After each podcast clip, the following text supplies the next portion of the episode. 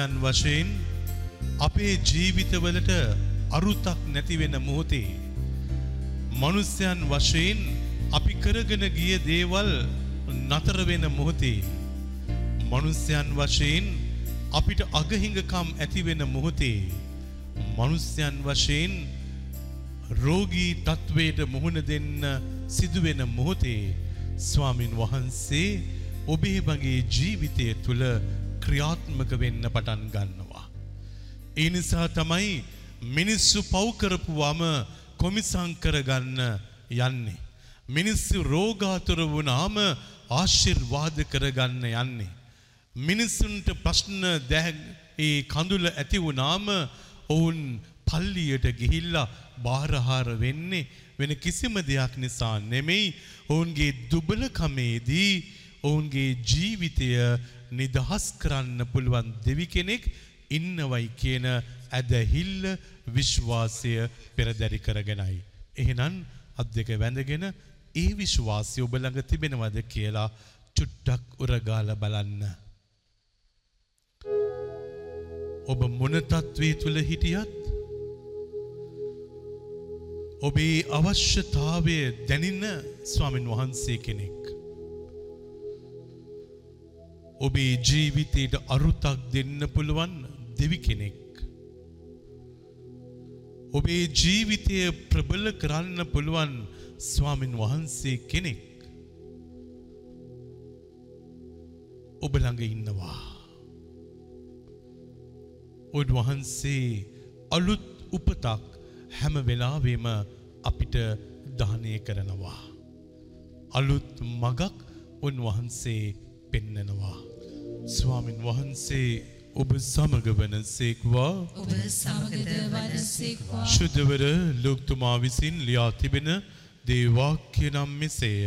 ස්වාමී වහන්සේට මහිමය වේවා මේ වචන පවසා අට දිනකට පමණ පසු උන්වහන්සේ පේදුරුද ජොම්ද ජාකෝබ්ද කැඳවාගෙන යාඥා කරන පිණිස කන්දකට නැගුණු සේක. යාඥා කරද්දී උන්වහන්සේගේ මුහුණුවර වෙනස් විය. උන්වහන්සේගේ වස්ත්‍ර දවල කාන්තියෙන් බැබිලිනි. හදිස්සියේ මනුෂ්‍යයෝ දෙදෙනෙක් උන්වහන්සේ සමග කතා කරමින් සිටීහ. ඔහු නම් මෝසෙස් සහ එලියාය. ඔහු ජෝසප් ඔහු තේජාශ්‍රීයෙන් යුක්තව පෙනී උන්වහන්සේ ජෙරුසලමේදී ඉටු කරන්නට යන ජීවිත පූජාව ගැන කතා කරමින් පේදුරුද ඔහුද සමග සිටියහ. පේදුරු ඔහු සමග වූවෝද නිදිබරව උන්හ. එහෙත් ඔහු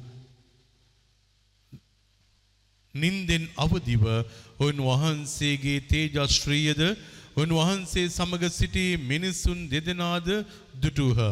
තවද මෝසෙස් සහ එලියා උන්වහන්සේ වෙතින් වෙන්ව යද්දී පේදුරුතුමා කුමක් කියන්න දැයි නොදැන ස්වාමිනී මෙහි සිටීම අපට වාසනාවකි එබැවින් මණ්ඩප තුනක් සාදමු එකක් ඔබටය එකක් මෝසෙස්ටය එකක් එලියාටයයි කීය. ඔහුද මේ කියද්දීම වලාකුලක් නැගී ඔවුන් සිසාරා පැතිරිණි. වලාකුල ඔවුන් වසාගත් කල ඔහු බීතියට පත් වූහ. එවිට මේ මාගේ පුත්‍රයානෝය මේ මා තෝරාගත් තැනැත්තානෝය මොහුට සවම් දෙන්නැයි වලාකුලෙන් හඬක් නික්මිනි. ප්‍රේමේ ස්වාරංචය නම් මෙසේය. ක්‍රිස්තනී ඔබ වහන්සේට ප්‍රශංසා වේවා. වඩිවන්න.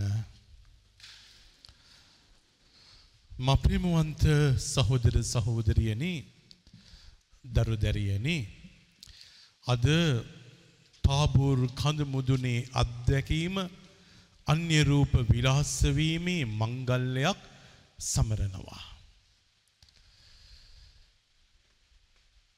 දෙවියන් වහන්සේගේ දරුවන් වශයෙන් අපි ජීවත් වෙනකොට ස්වාමීන් වහන්සේ පැහැදිලිවම කියන කතන්දරයක් තියෙනවා. යාඥා කරන්නත් මිනිස්සුන්ට පුළුවන්. පල්ලි ගානේ යන්නත් මිනිස්සුන්ට පුළුවන්. වන්දනා ගමන් යන්නත් මිනිස්සුන්ට පුළුවන්. මේ ඔක්කොම මිනිස්සුන්ට පුළුවන් දේවල්. හැබැයි මිනිස්සුන්ගෙන් අමාරු දෙයක් ස්වාමින් වහන්සේ ඉල්ලනවා. ඒ නිසා තමයි උන්වහන්සේ මෙහෙම කියන්නේ. මේ වචන පවසා අට දිනකට පසුව. ඇත්තටම මට තිබුණ දේ තමයි මොන වචනයද උන්වහන්සේ පැවසුවේ දවස් අටකට ඉස්සර තාබෝර් කන්දට යන්න ඉස්සර මේ දෙවියන් වහන්සේ මොනවද එහෙනම් ජේස්වාමින් වහන්සේ කිව්වේ. ඒක තමයි උඩින් තියෙන ඔබගේ ශුද්ධ බයිබලයේ තියෙනවා නම් ඔබට පෙරල ගන්නට පුළුවන් ලූක්තුමාගේ සුවිශේෂයේ නවවෙනි පරිච්ඡේදයේ 23 වෙනි පදය. ජේස්වාමින් වහන්සේ සියල්ලන්ට කතා කොට සියල්ලන්ට කතා කොට යමෙක් මා අනුව එන්න කැමැත්තේ යමෙක් මා අනුව එන්න කැමැත්තේද? ඔහු තම කම නසා ඔහු තම කමනසා දිනපතා සිය කුරුසය දරාගෙන දිනපතා සිය කුරුසිය දරාගෙන මා අනුව ආවා වේ. මා අනුව ආවා සිය ජීවිතයේ රැකගන්න කැමති යමෙක් වේද? සිය ජීවිතය රැකගන්න කැමති යමෙක් ඔහු වේද ඒ නැති කරගනී. ඔහු ඒ නැත කරගනී. මා නිසා සිය ජීවිතයේ නැති කරගන්නා යමෙක් වේද මා නිසා සිය ජීවිතය නැති කරගන්නා යමක් ඔහු ඒ රැකගනී. ඔහු ඒ රැකගනී මේක ගොඩක් වැදගත්. යමෙකු යමෙකු මුළු ලෝකයම ලබා ගත්තත් මුළු ලෝකීම ලබාගත් සිය ජීවිතයේ නැති කරගත්තොත් සිය ජීවිතය නැති කරගත් නැත්නම් විනාශ කරගත්තොත් නැත්නම් විනාශ ඔහුට කරගත් කුමන ලාභයක්ද? ඔහුට කුමන ලාභයක් ප්‍රශංසා වේවා. ප්‍රශංසාවේ ප්‍රශංසා වේවා. ප්‍රශංසාවේවා එනිසා මම ඔබට කිව්වේ අපිට දවස පුරා දේවල් ඔක්කොම එකින් එකට එකින් එකට පෙළගස්සලා කරගෙන යන්න පුළුවන්.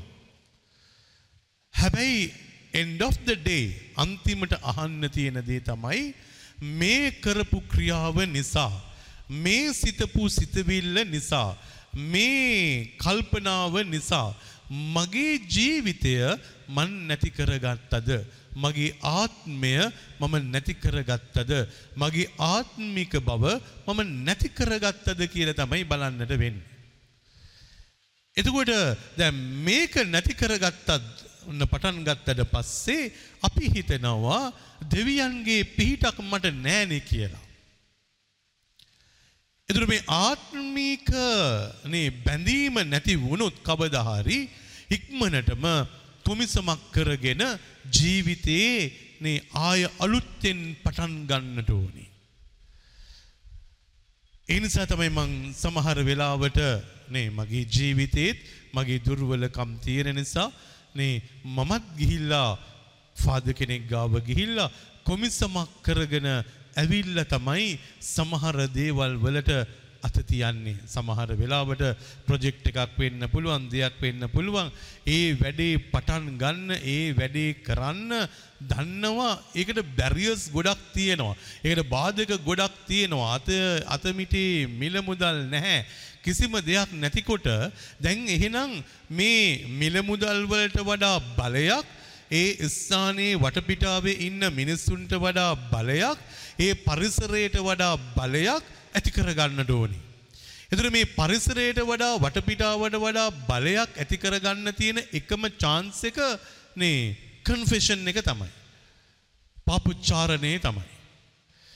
එතකොට පාපුච්චාන සක්‍රමේන්තුවට ගිහිල්ලා ඔබත් මමත් අර ඇබ්සලූෂන් එක ලබපු ගමම්ම පියතුමා කියනකොට පියන්ගෙද පුත්‍රයන් ශුද්ධාත්මයන් නාමයෙන් ඔබේ පව් සියල්ලක්ම කමා කරනු ලැබේ කියලා ඒ කියන මුද්‍රාව සීල් එක වැදුන ගමම්ම මොකද වෙන්නේ? ඒ වටපිටාවේ ඉන්න ප්‍රබලම චරිතයේ බවට ඔබපත් වෙනවා.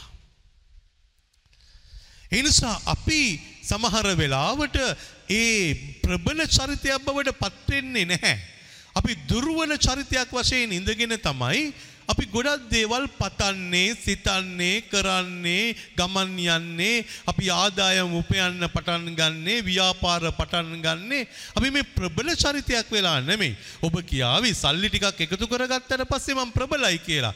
සල්ලි ඒකතු කරගත්ත මිනිස්සු කොච්චර ඉන්නවද? අත තිබ්බට ඒක හරියන්නේ නැහැ. හිත තිබුණාට ඒක හරියන්නේ නැහැ. ඒක සල්ලි නෙමෙයි. ඒක දේශපාලනික බලය නෙමෙයි. ඒ ඔක්කොම අභිපවා යන අධ්‍යාත්මික දේවිකත්වයක් අධ්‍යාත්මික දේවිකත්වයක්. දැන් මේක තමයි රත්නම් මේ තාත්තිපතේ දුවේ අපි හැමදාම චෙක් කරලා බලා ගන්නට ඕනේ අධ්‍යාත්මික දේවිකත්වයේ අභිෂේකය මොන ලෙවල් එකේද ඉන්නේ. ඔබ මේ භූමියට එනකොට දැන් අපි අලුතෙන් මැෂින් එකක් ගත්ත නිසා මැෂින් දෙකක් ඔබ අත තියපු ගාම ඔබේ උණ රීඩ් කරනවා කීයද කියලා කෑ ගහලා කියනවා normal temperature කියනවා. Temperature එක තිබුණා නම් කාර්ය 37.4ට තිබුණා නම් කාර්ය. එතනදී එයා ඇම්බියුලන්ස් එකක් වගේ කෑ ගහන්න පටන් ගන්නවා රෙඩ් ලයිට් එකක් නේ එනවා. එතකොට දන්නවා මේ මොහොතේදී ඔබ උණෙන් ඉන්න මොහොතක් කියලා. එතකොට ඒක අපි චෙක් කරගන්න අපි උපරිමයෙන්ම වැඩ කරනවා. මේ දවස්වල යන යන තැන ඔළුවට අර මැෂින් එක තියෙනවා. නේ? නල්ලට තියෙනවා අතට සැනිටයිසර්ස් දාන්න කියනවා චෙක් කරලා බලනවා ඔබ මේ වෙලාවේ එතන ඉන්න සුදුසු පුද්ගලයෙක්ද? ඒ කණ්ඩායමට යන්න සුදුසු පුද්ගලයෙක්ද? ඒ ආයතනයේ ඇතුළට යන්න සුදුසු පුද්ගලයෙක්ද? මේක චෙක් කරනවා. හැබැයි දැන් සුදුසුකම තියෙන්නේ උන නැතිකම සුදුසුයි. හැබැයි අපි ගාව අර ප්‍රබල බලය තියෙනවද? මෙෂර්මන්ට් එකක් නැහැ. කවුද ඉන්නේ චෙක් කරලා බලන්න බලය? ඔබ ළඟ අභ්‍යන්තරික දේවිකත්වයේ බලයක් තියෙනවද කියලා චෙක් කරන්න කවුරුවක්වත් නැහැ. අපිත් සුපුවත්තරන ඇතුළට එනකොට නේ අර දෙදස් දහනමේ බෝම්බ ප්‍රහාරයෙන් පස්සේ ඔබට ස්කෑන් කරාවි ඔබ මෙම කළ ස්කෑන් කළ බලාවි බෑගිකාරීවී ඒව ටික කරාවි. හැබැයි ඔබගේ අධ්‍යාත්මික බලය නේ ස්කෑන් කරන්න කාටවක්කත් මේ නැහැ මෙතන. එතකොට ඒ ස්කෑන් එක කවුද කරන්න තියෙන්නේ. අනිත් ඔක්කොම ඔබ වෙනුවෙන් අනිත් අය කරනවා. ඒ ස්කෑන් එක. ඔබ කිව්වනම් මට MRI එකක් කරන්න ඕනේ කියලා. ඔබට අර පුංචි මැෂින් එකක් ඇතුළට ගියාට පස්සේ ඩග ඩග ඩග ඩග ගාලා වදීවි. ඊට පස්සේ ඔබ ආවට පස්සේ report එක දෙනවා. මෙන්න CT එක මෙන්න MRI එක මෙන්න X-ray එක. නේ මේ ඔක්කොම ස්කෑන් කරලා හදාගන්න පුළුවන්. හැබැයි ඔබ තුළ මා තුළ තියෙන දේවිකත්වය ඔබ තුළ මා තුළ තියෙන බලය ඒක ස්කෑන් කරන්න ඔබ තමයි ඉන්නේ. ඔබේ භාර්යාවට එක ස්කෑන් කරගන්න බැහැ. ඔබේ ස්වායපුරුෂයට එක ස්කෑන් කරන්නට බැහැ. ඔබේ අම්මා තාත්තට එක ස්කෑන් කරන්නට බැහැ. පූජකයෙක් වශයෙන් මට ස්කෑන් කරන්නට බැහැ. අපි ප්‍රාණික් හීලින් ඉගෙනගෙන තියෙනවා. ඒ ප්‍රාණික් හීලින් තුල ඔබේ මගේ අවුරාව කොච්චරද කියලා බලා ගන්න පුළුවන්. එනර්ජි ලෙවල් එක කොච්චරද ඩිප්‍රයි වෙනවද? ඒක ඇතුලේ කොහොමද කෝම් කරලා ඒකේ නෙගටිවිටිස් තිබුණා නම් කාර්යව අරන් දාන්නේ කොහොමද? ඒව ටික කරන්න පුළුවන්. හැබැයි අධ්‍යාත්මික බලය කියන දේ ස්කෑන් වෙන්නේ නැහැ. ඒක ඔබ තමයි එතන ඒ ඒක පරීක්ෂණය කරන්න නේ සුදුසුම කෙනා. එනිසා ඔබ තමයි දන්නේ හෘද සාක්ෂිය. හෘද සාක්ෂිය මේ මොතේ ස්කෑන් කරගන්න විදියක් නැහැ. කාගේ හරිද හෘද සාක්ෂිය ස්කෑන් කරන්න පුළුවන් නම් හොඳයි. හෘද සාක්ෂිය ස්කෑන් වෙන්නේ නැහැ. ඒක ඔබ විතරමයි දන්නේ. මම විතරමයි දන්නේ. ඩැරල් කියන්නේ කවුද කියන එක. ඔබ විතරමයි ඩිලෙන් කියන්නේ කවුද කියලා ඩිලෙන් විතරමයි දන්නේ. වෙන කවුරුවක්වත් දන්නේ නැහැ. එනිස අපි ඔක්කොම වෙස්පුුණු දාගෙන ඉන්න පුළුවන්. අපි හිනා වෙලා good morning, good evening, good night, sweet dream කියාගෙන ඉන්න පුළුවන්. හැබැයි මේ ඇතුලේ ඉන්න කෙනාව දන්නේ එයා විතරයි. ඇතුර ඔක්කොම මවාපාල අපිට ජීවත් වෙන්න පුළුවන්. ඒ නිසා ස්වාමින් වහන්සේ පැහැදිලිවම කියනවා ඔබ ඔබේ ආත්මය නැතිකර නැතිකර ගත්තා නම් ඔබ අනිත් දේවල් මොනව කරත් අන්තිමට ඔබගේ ජීවිතයට අර තියෙන බලය සතුට අල්ලගන්න බැරුව යනවා. එනිසා අට දිනකට ඉස්සර කිව්වා ඕක. හැබැයි කියලා ඉවර වෙලා උන්වහන්සේ මොනවද කරන්නට යන්නේ? උන්වහන්සේව හැමදාම ස්කෑන් කරගෙන හිටියා. උන්වහන්සේ හැමදාම හිමිදිරි උදෑසන කන්දට නැග්ගා. යාඥාවට ගියා. උන්වහන්සේ බැලුවා උන්වහන්සේ කොතනද ඉන්නේ? උන්වහන්සේගේ ප්‍රසිද්ධ ජීවිතය ගත කරන්නට ඉස්සර නේ උන්වහන්සේ මවුන් ටෙම්ටේෂන් එකට නැග්ගා. නැගලා නේ නෙබු කන්දට නැගලා ඉවර වෙලා එතන සමාවෙන නෙබු නෙමෙයි මේ මවුන් ටෙම්ටේෂන් එකට නැගලා ඉවර වෙලා එතන හිටියා. නේ දින 40ක් හිටියා. නිරාහාරව. මොනවද උන්වහන්සේ ස්කෑන් කරලා බැලුවා ගානට ඒ වැඩේ හරිද? තමාට දැන් මේ බලය තියෙනවද? නේ තමාට ඒ ශක්තිය තියෙනවද? ඇත්ත. ජොර්දාන් නදියට ගිහිල්ලා ඇතුළට ගිහිල්ලා ආපු ගාම මේ මාගේ ප්‍රියාදර පුත්‍රයාණෝය මොහු ගැන මම ප්‍රසන්නයි කියලා ඇහුණා. දැන් ඒක පවත්වගෙන යන්නට ඕනේ. ඒකයි අමාරු. මම හැමදාම කියන්නේ ඒකයි. ස්වාමි කෙනෙක් වෙන්න ලේසි. ඒක පවත්වගෙන යන්න ඕනේ. තාත්තා කෙනෙක් වෙන්න ලේසි. ඒ තාත්තගේ පිය පදවියේ තියෙන අභිෂේකය පවත්වගෙන යන්නට ඕනේ. දැන් මේ පවත්වගෙන යන්න තමයි නිරන්තරයෙන්ම ඔබට මට අධ්‍යාත්මික බලයක් ඕනේ. අධ්‍යාත්මික බලයක්. පවත්වගෙන යන්න. ඔහේ ජීවත් වෙන්න no problem. හැබැයි ප්‍රබල චරිතයක් වශයෙන් ඔබට ජීවත් වෙන්න ඕන නම් ඔබ හිතෙන පතන දේවල් ඔබට ඇත්තක් වෙන්න කෙනෙක් වෙන්න ඕන නම් ඔබ යම්කිසි ආකාරයෙන් කාට හරි සුබ ප්‍රාර්ථනාවක් කරොත් ඒ සුබ ප්‍රාර්ථනාව ඇත්තක් වෙලා ප්‍රාතිහාරයක් වෙන්න ඕන නම් ඔබට අර සාමාන්‍ය මට්ටමේ ජීවිත ක්‍රමවේදයක් ගත කරලා ඒ වැඩේ කරන්න බෑ. සාමාන්‍ය මට්ටමෙන් බෑ. සුපර් නැචුරල් බීන් කෙනෙක් වගේ ජීවත් වෙන්න ඕනේ. සුපර් බීන් කෙනෙක් වගේ ජීවත් වෙන්න ඕනේ. ඒ නිසා ස්වාමින් වහන්සේ මෙන්න තාබෝරු කන්දට නගිනවා. මොනවටද නගින්නේ? මේ මන් දන්නේ මමත් මේ තාබෝරු කන්දට ඊශ්‍රායලට යන හැම අවුරු වාතාවකම නගිනවා. නැග්ගම එතන පුදුම බලයක් තියෙනවා. එතන පුදුම ශක්තියක් තියෙනවා. ඒක උඩ නැගලා යඥාවට යනකොට අන්‍ය භාෂාවට යනකොට ඒක ඇතුලේ ඒ දැනෙන ස්පිරිතුව ඒක පුදුමාකාරයි. ඒක පුදුමාකාර අත්දැකීමක්. ඒ නිසා රත්නම් මේ තාත්තිපුතේ දුවේ ස්වාමින් වහන්සේට ප්‍රබල ලෙස කතා කරපු තැනක් තමයි ඒ තාබෝරු කඳු මුදුන. මම හිතන්නේ ලංකාවෙත් මම දැකලා නැහැ ලෝකේ වෙන කොහේ හරි හදලා තියෙනවද කියලා තාබෝරු කඳු මුදුනක්. තාබෝරු කඳු මුදුන හදලා තියෙන සුපුවත්තරනේ තමයි.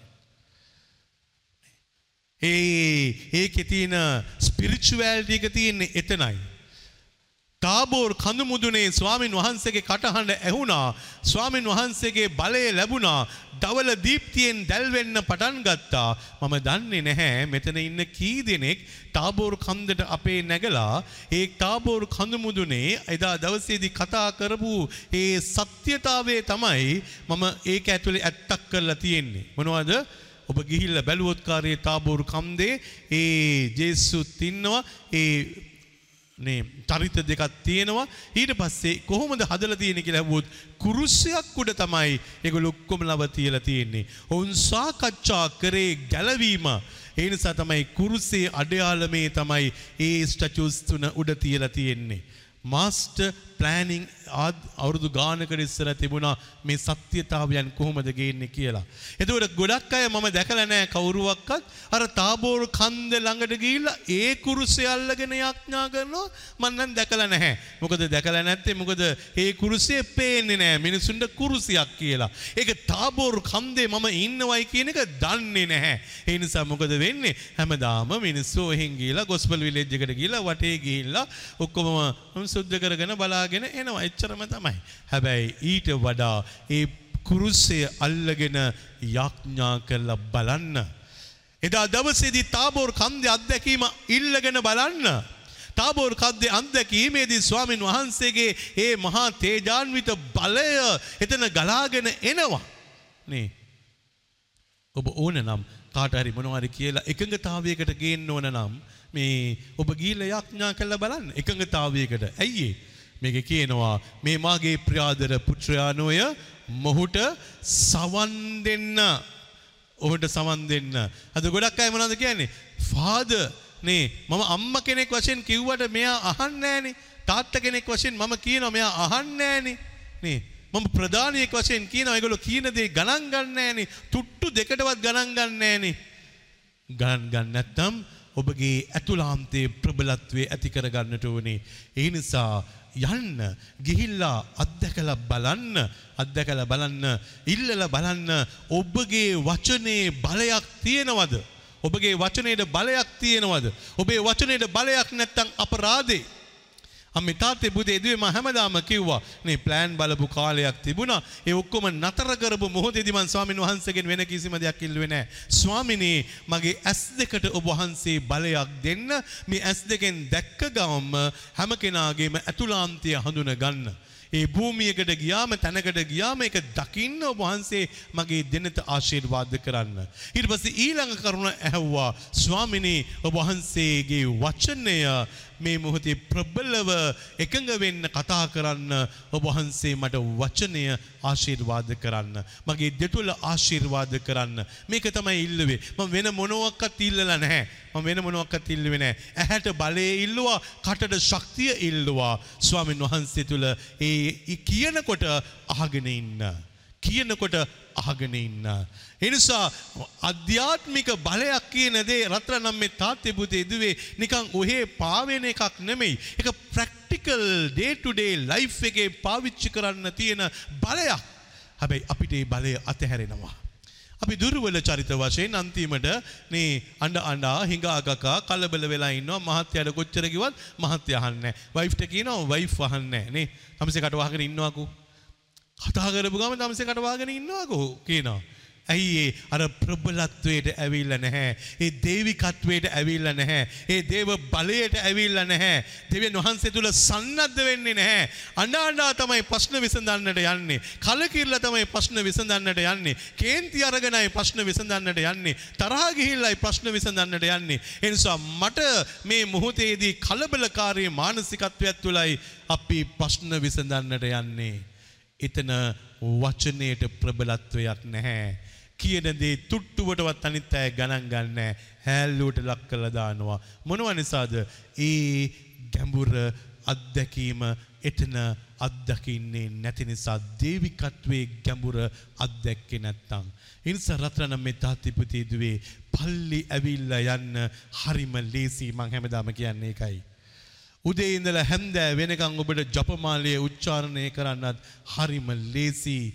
හැබැයි ඔබගේ ජීවිතයේ ඉෂූ එකක් ඔබේ ජීවිතයේ ප්‍රශ්නයක් ආපු දවසට ඒක හැන්ඩල් කරගන්න ඔබ දන්නේ නැතුව ගියොත්. ඒක ඔබේ ජීවිතයේ මග හැරුණොත්. එතනදී ඔබ කලබල වුණොත් එතනදී ඔබ තැති ගත්තොත් එතනදී ඔබ අසරණ වුණොත් එතනදී ඔබගේ මුළු ජීවිතයම කඩාගෙන වැටෙනවා. ජේස්වාමින් වහන්සේගේ ජීවිතය කඩාගෙන වැටෙන්න ඉඩ නොදුන්නේ එතනයි. උන්වහන්සේ අත්දැකීමකට යනවා පේදුරුලා නිදිමත ගතියෙන් නිදා වැටි වැටි ඉන්නවා. පේදුරට නින්ද යනවා. ෆෝකස් එක තියාගන්න බැරුව ගියා.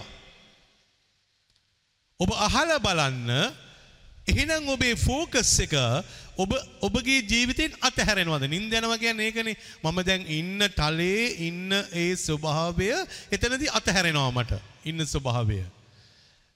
එතකොට ස්වාමීන් වහන්සේ කියනවා අවදි වෙන්න කියලා. එතකොට අවදි වෙලා ඉන්නට ඕනේ. සතිය වඩන්නට ඕනේ.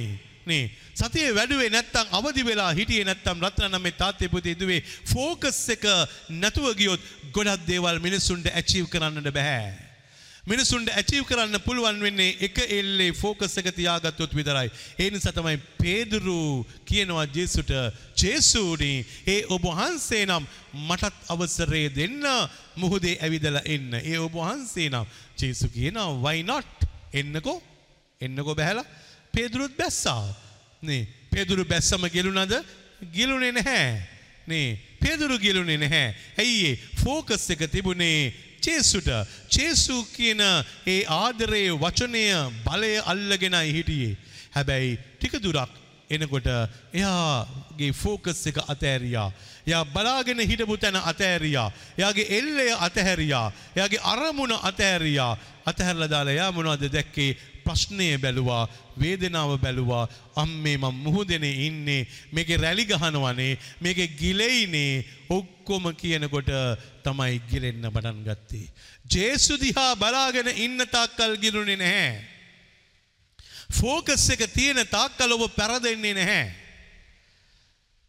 එනිස තමයි සමහර වෙලාවට සමහර අය මට නෙගටිවිටිස් ඇවිල්ලා කතා කරද්දී මං කියනවා it's enough. දැන් ඇති මට නෙගටිවිටිස් කතා කරන්න එපා. මගේ ෆෝකස් එක නැති කරන්න එපා.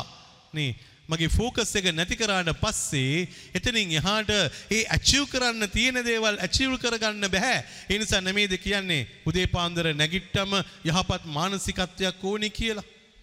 ගමනක් යන්න යනකොට නේ අනේ එහෙම යන්න එපානේ ඉක්මනට එන්නකෝ නේ එහෙම කියන්නේ නෑ කලබල කරන්නේ නෑ සිත. ඇයි එයා යන වැඩේ කරලා එන්න ඕනේ. මේ යන වැඩේ කරලා එන්න ඉඩ දෙන්නට ඕනේ ෆෝකස් එක ගානට තියාගන්නට ඕනේ. නමුත් ඒ ෆෝකස් එක සමහරට තියාගන්න ඉඩ තියන්නේ නැහැ. නේ එනිස තමයි සමහරට හස්බන්ඩ්ලා කියනවා. වැඩට යන හස්බන්ඩ්ලා ඉන්නවා නම් ඒගොල්ලෝ කියලා යනවා සුදු රත්තරන් මම ජොබ් එකට ගිහිල්ලා ඒ වැඩේ කරලා එනකන් මට පුංචි chance එකක් දෙන්න. නේ කරදර කරන්න එපා. ඔයා ඉන්න මගේ මේ පටන් ගත්ත වැඩේ ලස්සනට කරලා මං එන්නට ඕනේ. නේ එහෙම වෙන්නේ නැතුව මොනවද කරන්නේ? ටිකෙන් ටිකට කෝල් කරලා අහනවා ටිකෙන් ටිකට කෝල් කරලා බලනවා ටිකෙන් ටිකට ටිකෙන් ටිකට ටිකෙන් ටිකට මේක අන්තිමට මොනවද කියන්නේ?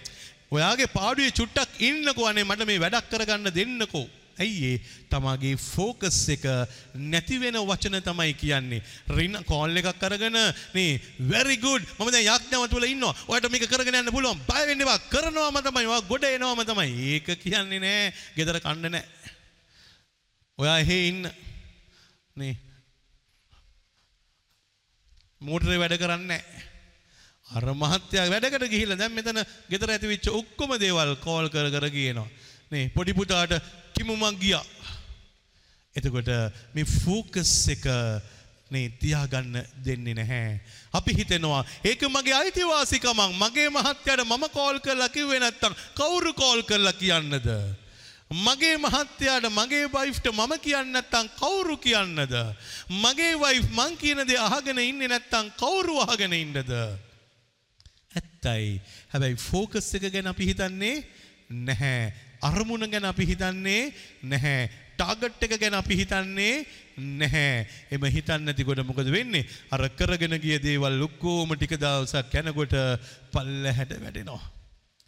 නේ බලන්න ගියම ආදරේ තමයි කියන්නේ. මම ආදරේ නිසානේ යන්නේ. ඔයාව මෙච්චර නේ හොය හොය ඉන්නේ.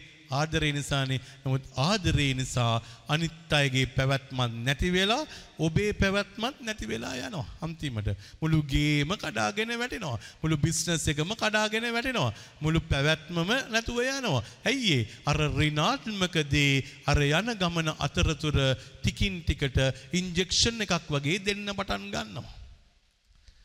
ස්වාමීන් වහන්සේ ඒ නිසා නේ එකට ඉඳගෙන නිදා ගන්නකොට උන්වහන්සේගේ ෆෝකස් එක කැඩේවි. එනිසා උන්වහන්සේ මොනවද කියන්නේ? නිදා ගන්න එපා. ජෙත්සමනියෙත් ඕකම ඇවිල්ලා කිව්වා නිදා ගන්න එපා. තාබෝර් වලත් ඕකම කියනවා නිදා ගන්න එපා. නේ. අපිට අපේ ජීවිතය වැරදෙන තැන කොතනද කියලා දන්නේ නැහැ. අපි හිතෙනවා මේ මොහොතේදී මට නිදහස තියෙනවානේ. මට නිදහස තියෙනවානේ. හැබැයි අර ගමන යා ගන්න බැරුව යනවා. නේ ගමන යා ගන්න බැරුව යනවා. ඒ ගමන යන්න නම් කාරි රත්‍රන මේ තාත්තේ පුතේ දුවේ ඔබට මට අභ්‍යන්තරික බලයක් අල්ල ගන්නට ඕනේ. මේ අභ්‍යන්තරික බලය නැතුව ගියදාට ඔබ මා හීන චරිතයක් වෙනවා. ඒ නිසා තමයි හැම වෙලාවෙම නේ ටයර්ඩ් වෙන්න එපා කියන්නේ. ඕවර් ටයර්ඩ් වෙන්න එපා.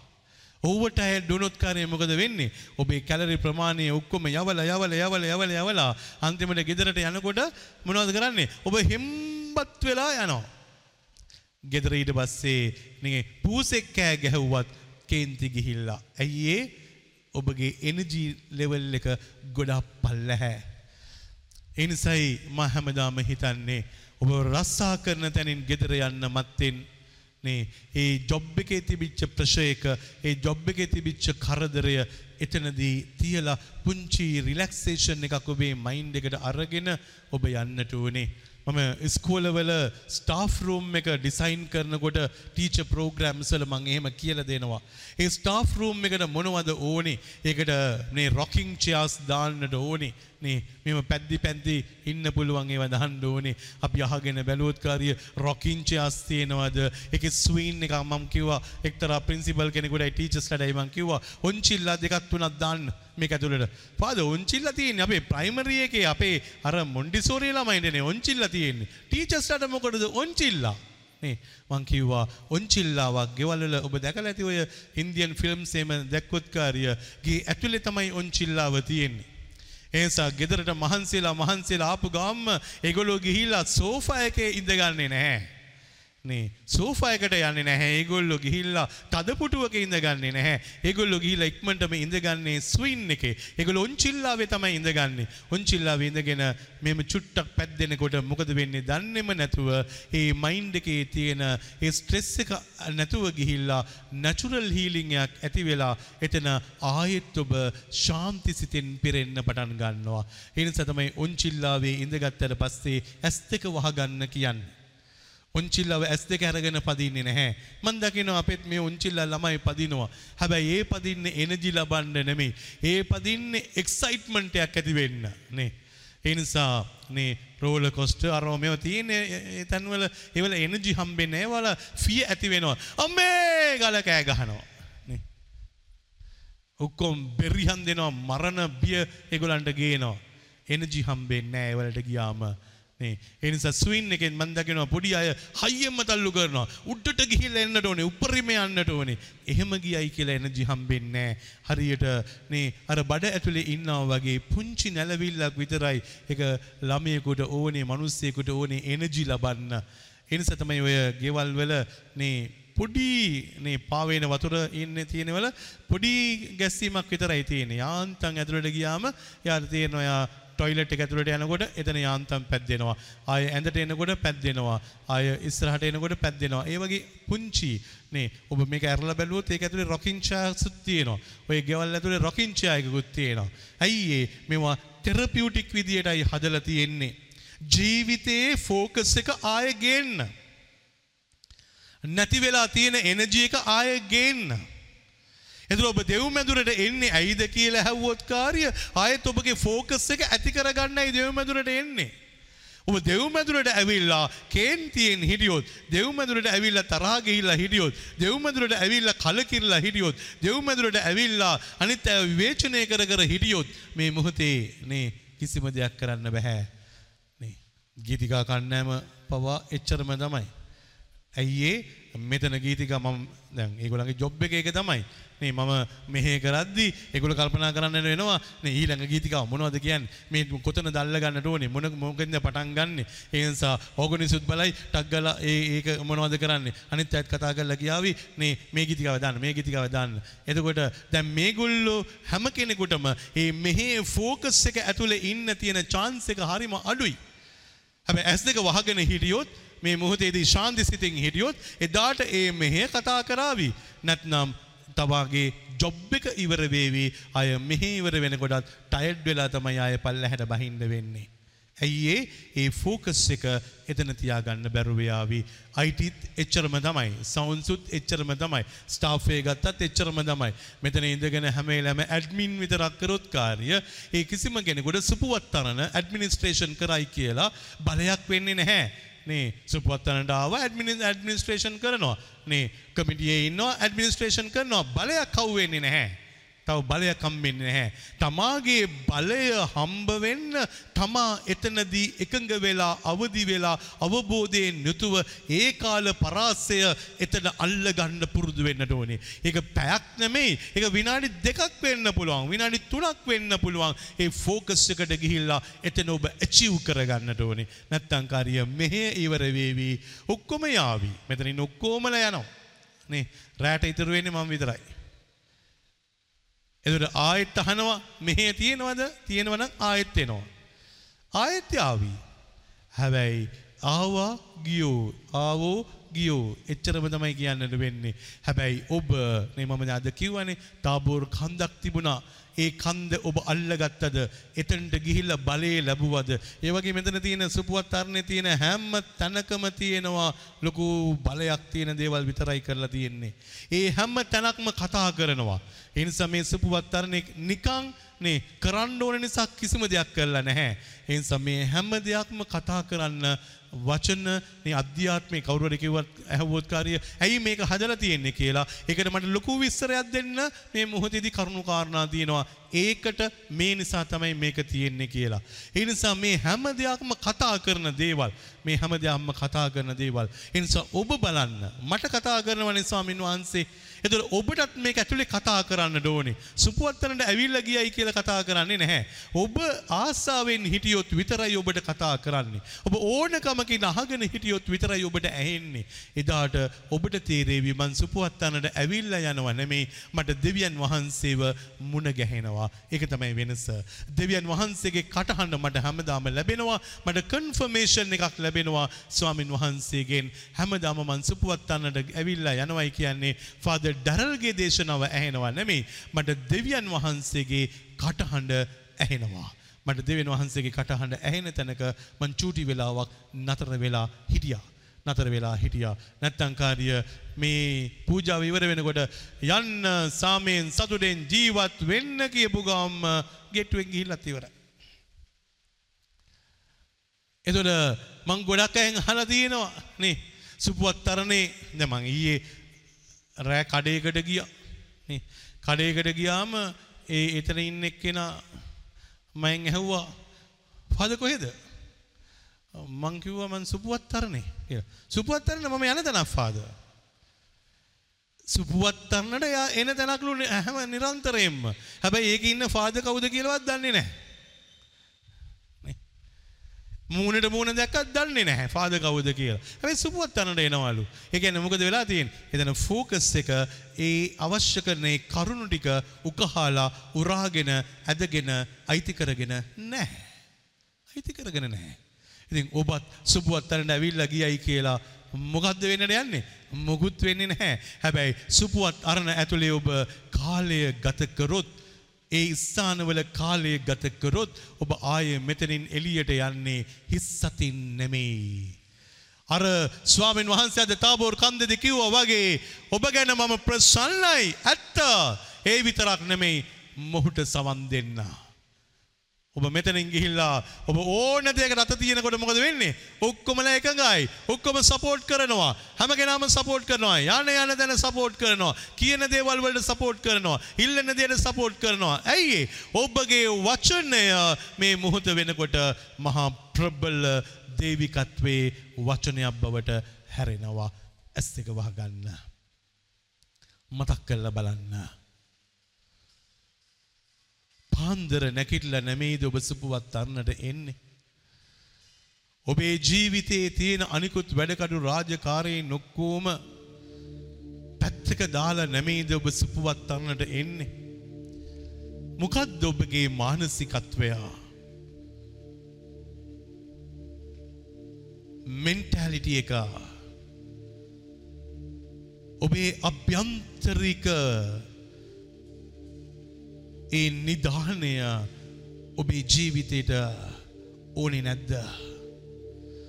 තවත් සිකුරාදාවක් ඉවර වෙන්නද යන්නේ. රත්තරනම් මේ තාත්තේ පුතේ දුවේ ඔබ වෙබ්සයිට් එකෙන් YouTube එකෙන් ඔබ මේ මොහොතේදී සම්බන්ධ වෙනවා. මේක නාට්‍යයක් බලනවා වගේ අද දවසේ මේ නාට්‍යයේ මොනවද එන්නට යන චරිත කොහොමද ඒ චරිතය එළියට එන්නට යන්නේ? ඇත්තයි එක එක නාට්‍යවල එක එක චරිත එළියට එනවා බලාගෙන ඉන්න. අදින් පස්සේ හෙට හෙටින් පස්සේ අනිද්දා සතියකින් බලාගෙන ඉන්නවා. එහෙමද සුපුවත් තරණත් ඔබට? සමහර අය මටත් කියලා තියෙනවා. බදාදා මෙහෙ ඇහුවේ නැත්නම් නිකම් මොනවදෝ නෑ වගේ ෆාද ම හැමදාම කිව්වේ ඒක නෙමෙයි ඔබේ ජීවිතේ විය යුත්තේ බදාදා මෙහෙ ඇහපු නැති නිසා නෙමෙයි ඔබට ස්වාමින් වහන්සේව හම්බුනාද කියලා බලන්න Have you met your God? Have you spoken to your God? Have you listened to your God? ඔබ ස්වාමීන් වහන්සේට ඇහුම් කන් දුන්නද? ඇහුණද?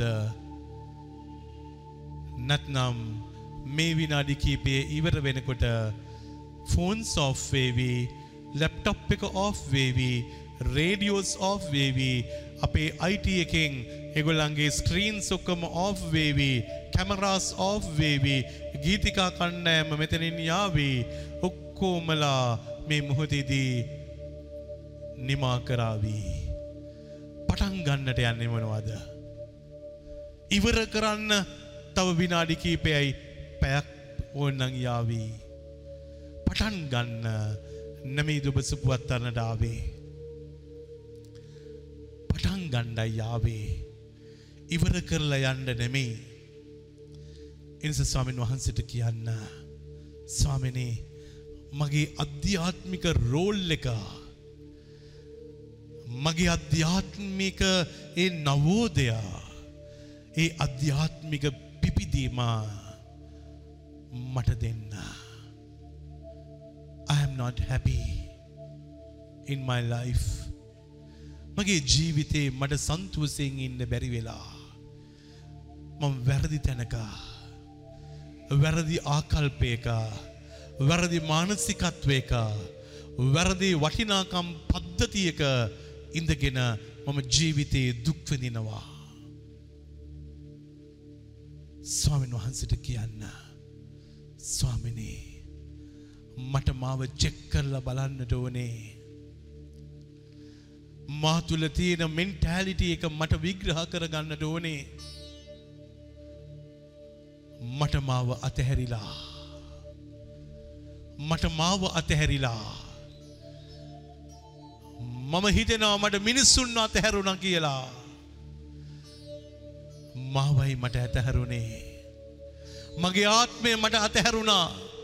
මගේ අරමුණු මට අතහැරුණා. මම පටන් ගත්ත දේවල් අද මට ඒ විදිහටම කරගෙන යන්න බැරි වෙලා මගේ තිබිච්ච හොඳ හිත ඒක නැති වෙලා ගිහිල්ලා ඒ සමාධානය නැති වෙලා ගිහිල්ලා. මේක නිකම්ම නිකම් පරණ්ඩලක් බවට පත් වෙලා. ස්වාමිනේ ඔබ වහන්සේ මාව මවපු සිතුවිල්ලක් තිබුණා. I want to come back. මේ දවස්වල ඔලිම්පික් බලාගෙන ඉන්න අය බලාගෙන ඉඳලා වැඩිම වටිනාකම දෙන්නේ වැටුනට පස්සේ නැගිටිලා එතන රෙකෝඩ් එකක් කොහොමද තිබ්බේ කියලා. වැටුනට පස්සේ නැගිටිලා කොහොමද ෆිනිෂ් කරේ කියලා බලාගෙන ඉන්නවා. හැබැයි ඔබේ මගේ ජීවිතය අභ්‍යන්තරේ බලාගෙන ඉන්න කවුරුවක්වත් නෑ. ඔබේ පිටස්සරයෙන් සිදුවෙන දේ බලාගෙන ඉන්න මිනිස්සු ඉන්නවා. ඔබේ අභ්‍යන්තරේ බලන්න කවුරුවක්වත් නැහැ. You have to meet your God. ඔබට ස්වාමින් වහන්සේව මුණ ගැහිලා උන්වහන්සේත් එක්ක විතරයි මේ ගණදෙනුව තියෙන්නේ. That is called spirituality. ඒක තමයි අධ්‍යාත්මය. ස්වාමින් වහන්සේට කියන්න I need a renewal. මට renewal එකක් ඕනේ. මම නැති කරගත්තා මගේ තිබිච්ච ශක්තිය මම නැති කරගත්තා මා තුළ තිබිච්ච බලය. මම නැති කරගත්තා මා තුළ තිබිච්ච දේවිකත්වය. මම නැති කරගත්තා මා තුළ තිබිච්ච ස්පිරිතුව. මා නැති කරගත්තා මගේ ජීවිතයේ තිබිච්ච ඒ මහා බලගතු අරමුණ.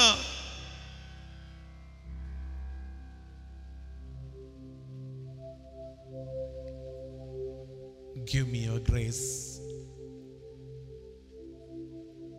වහන්සගේ වරප්‍රසාදය දානය කරන්න.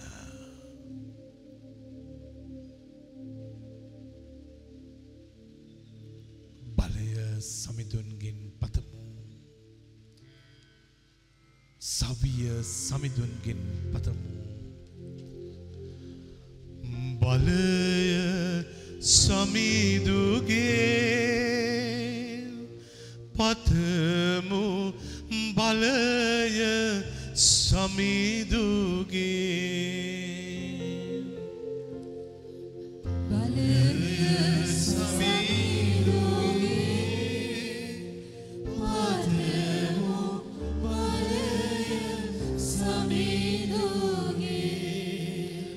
බලය බලය බලය පතමු.